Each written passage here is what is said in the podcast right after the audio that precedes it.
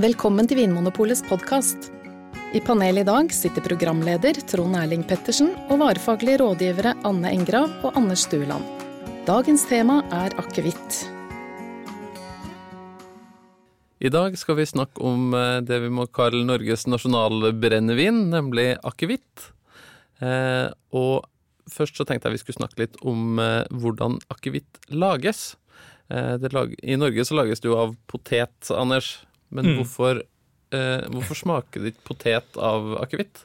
Det er fordi at eh, poteten er egentlig bare eh, en kilde til sukker.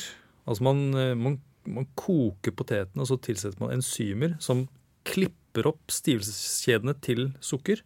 Og så Ja. gjærer Altså en sopp gjærer da som sukkeret til en alkoholholdig drikke. Og så Ja. destilleres det til et brennevin. Mm. Og det brennevinet destilleres ut på veldig høy alkoholprosent. Så det Ja. er veldig, det er nøytralt, det er helt blankt, og det smaker veldig, veldig lite. ja, så kort fortalt så starter all akevitt med et veldig sterkt brennevin som ikke smaker noen ting. Ja. Ja. Og det som kanskje mange ikke vet, er Mm. at eh, stort sett Altså det finnes så veldig, veldig mange forskjellige norske akevitter, Ja. men alle sammen, eh, eller nesten alle sammen, kjøper eh, basebrennevinet fra samme sted. Ja, og så må man jo tilsette noe smak til det her basebrennevinet. Hvordan gjør man det? Og da, da, det, da må man tilsette krydder, og da er det karve eh, eller dill som er hovedkrydderne, men så brukes det masse andre krydder også. Ja. Eh, Ja, og det er det som er forskjellen på de ulike akevittene, er at eh, man bruker forskjellige krydderblandinger. Ja. Resepter, forskjellige resepter. Ja. Og det er my veldig mye forskjellig som kan brukes da, i tillegg til karve og dill. Og jeg, Mm. jeg har til og med hørt om en akevitt der man har brukt uh, fåreballer, Mm. faktisk, for å sette smak på akevitten. Hva smaker det? Ja. Fåreballer, antageligvis. Men, Eh, ja, men hvordan får man da eh, krydder og fåreballe inn i akevitten? ja, Lurer du på nå? ja, liker Ja. bare å trekke det. ja. Nei, fordi det, det er en måte man kan gjøre det på, er å bare masserere. At man bare, Nesten som at du ser for deg at du bare har en tepose i, Mm. i vann, så lar man da sånn krydderet bare liksom ligge og trekke i akevitten. Mm. Eller, eller i brennevinet. Men eh, det vanligste for norsk akevitt er at man eh, tar en ny destillasjon med, med krydderet. Ja, så du, du blander ut det nøytrale brennevinet med vann og krydder og sånn, og Ja. så destillerer du det på nytt? Ja, Eller at du har en rist med krydderne i, f.eks. i destillasjonsapparatet. Og så, så får du da et nytt brennevin Mm. med smak av krydder. Ja. Og da er det vanlig at man det er bare en så Da får man på en måte et krydderdestillat, og da trenger man bare litt grann av det og tilsette da i det nøytrale brennevinet for å få okay. nok smak. Ja, Som et krydder til den nøytrale basespriten. Ja. Ja. Men vi regner jo krydder som en, en råvare i, i akevitten, ikke sant? Det er ikke bare en smakstilsetning. Det er liksom Nei, vi, ja, vi i Vinmonopolet er jo opptatt av råvarepreg i, i drikk. og ja, Når det gjelder akevitt, så er det jo naturlig å tenke på krydderet som råvaren, fordi den Ja. poteten den gjør ikke så mye ut av seg. Nei.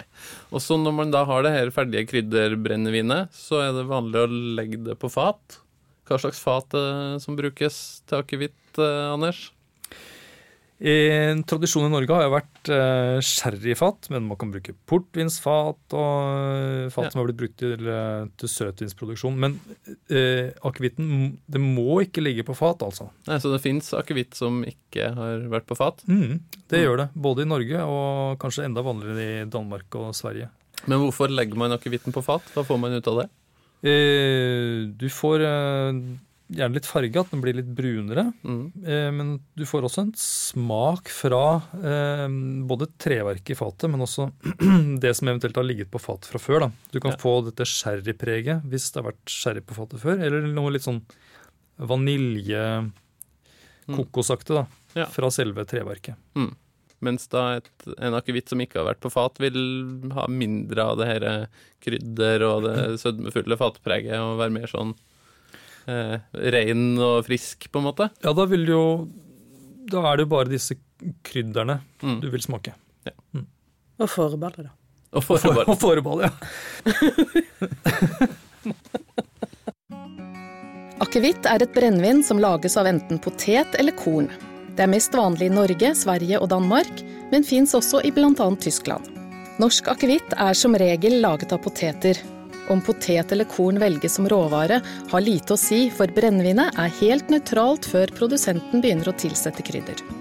All akevitt er smaksatt med enten dill eller karve. I tillegg kan det brukes ulike krydder som fennikel, koriander eller stjerneanis. Det er dette krydderet som gir akevittsmaken vi kjenner. Mange norske akevitter er i tillegg modnet på fat, f.eks. brukte sherryfat. Dette kan gi smak av vanilje og tørket frukt, og gjør akevitten mer sammensatt i smaken. Brun akevitt kan ha fått sin farge fra fatmodning, men kan også ha blitt tilsatt fargestoff fra karamell. Eh, på Vinmonopolet finnes det over 100 forskjellige akevitter, Anne. Det er jo litt av et landskap å orientere seg i.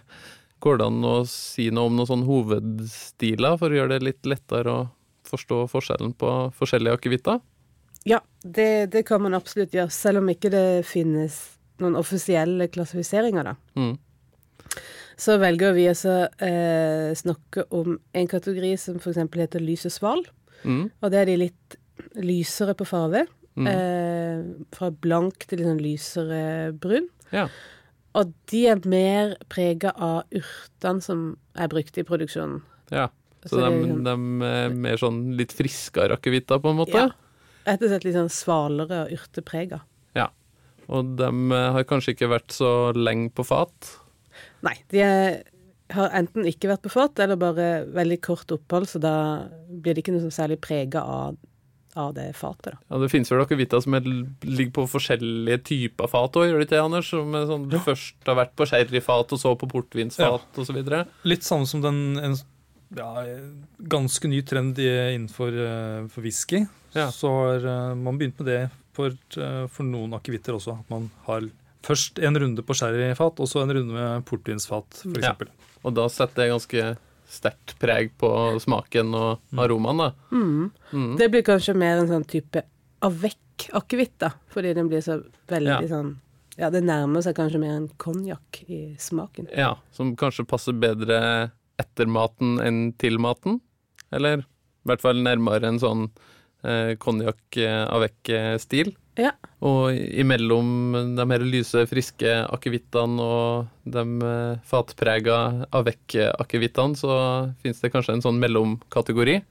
Ja. Du, eh, det er vel det vi velger å kalle brun og nyansert, som er Det har både litt det der svale, urte, mm. og litt fra det fatpreget. Så det er en slags mellomting, da. Ja, og, det, og, jeg tenker at det er jo De fleste norske akevittene, de er jo av den typen brun og nyansert. Veldig mange legger mye energi i å finne riktig vin til maten de skal spise, Anders. Eh, bør vi tenke på samme måte når det gjelder akevitt til mat? Jeg er veldig usikker.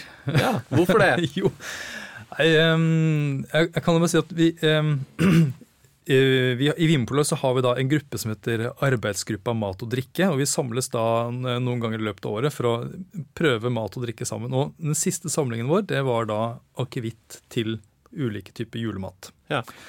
Og det vi kom fram til, var vel det at de fleste akevitter faktisk overdøver eller smaker mer enn selve maten. Og det, eh, det gjør at man må tenke litt annerledes enn med vin til mat. Ja, for når det gjelder vin og mat, så prøver vi på en måte å finne sånne kombinasjoner som løfter hverandre opp eller passer sammen, glir sammen mm. i, en, i, en, høyere enhet, for å bruke litt store ord. Ja. Mens eh, med akevitt så må man kanskje tenke mer på, på brennevinet, i dette tilfellet som en sånn liten pause i måltidet, eller som noe som renser opp mer enn at det skal passe sammen med aromaen i maten?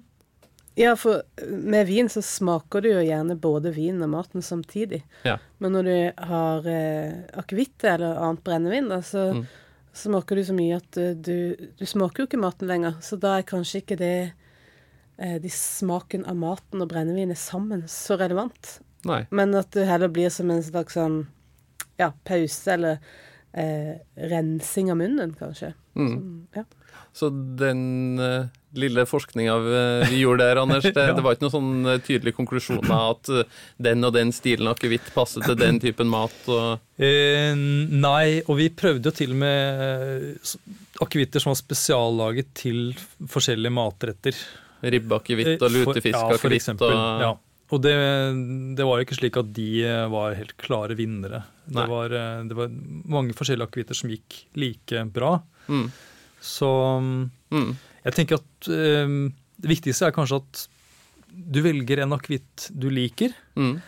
Eh, og for noen er det viktig at eh, aromaen i akevitten harmonerer med maten. For mm. andre kan det være et poeng at det er en liten kontrast at f.eks. at akevitten har noe sånn sitrus- og urtepreget, og det kan være godt til pinnekjøttet, som har mye mer at det derre eh, Røkte, tunge, modne Røkte, ja. Mm. Eh, så er det jo mange som eh, sier at akevitt må man ha til, til, norsk tradisjonsmat som er litt sånn feit og kraftig salt og røkt mat, fordi, fordi alkohol det renser fett, og det hjelper å fordøye den kraftige maten.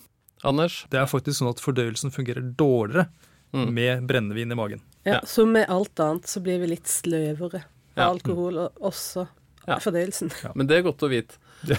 Um, og så har vi et lite tips til dem som har lyst til å styre alkoholinntaket, sjøl om man er glad i akevitt, uh, Anne?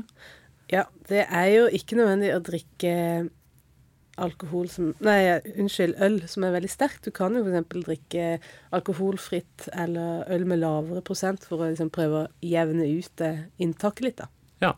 Så hvis du er glad i akevitt, men ikke har lyst til å bli for full, så kan du velge et alkoholfritt øl eller et eh, lettøl ved siden av eh, drammeglasset neste gang du skal ha akevitt til maten. Helt til slutt, eh, Anne, hva er ditt beste akevitt-tips? Jeg tenker ta akevitten ut av kjøleskapet. Det må være det beste tipset. Da, hvis den står i kjøleskapet, så blir den kald, og du får mindre aromaer ut. Og serverer du den i romtemperatur, så får du fram flere smaksnyanser og, og får mer igjen for akevitten. Ja. Anders, har du noen tips?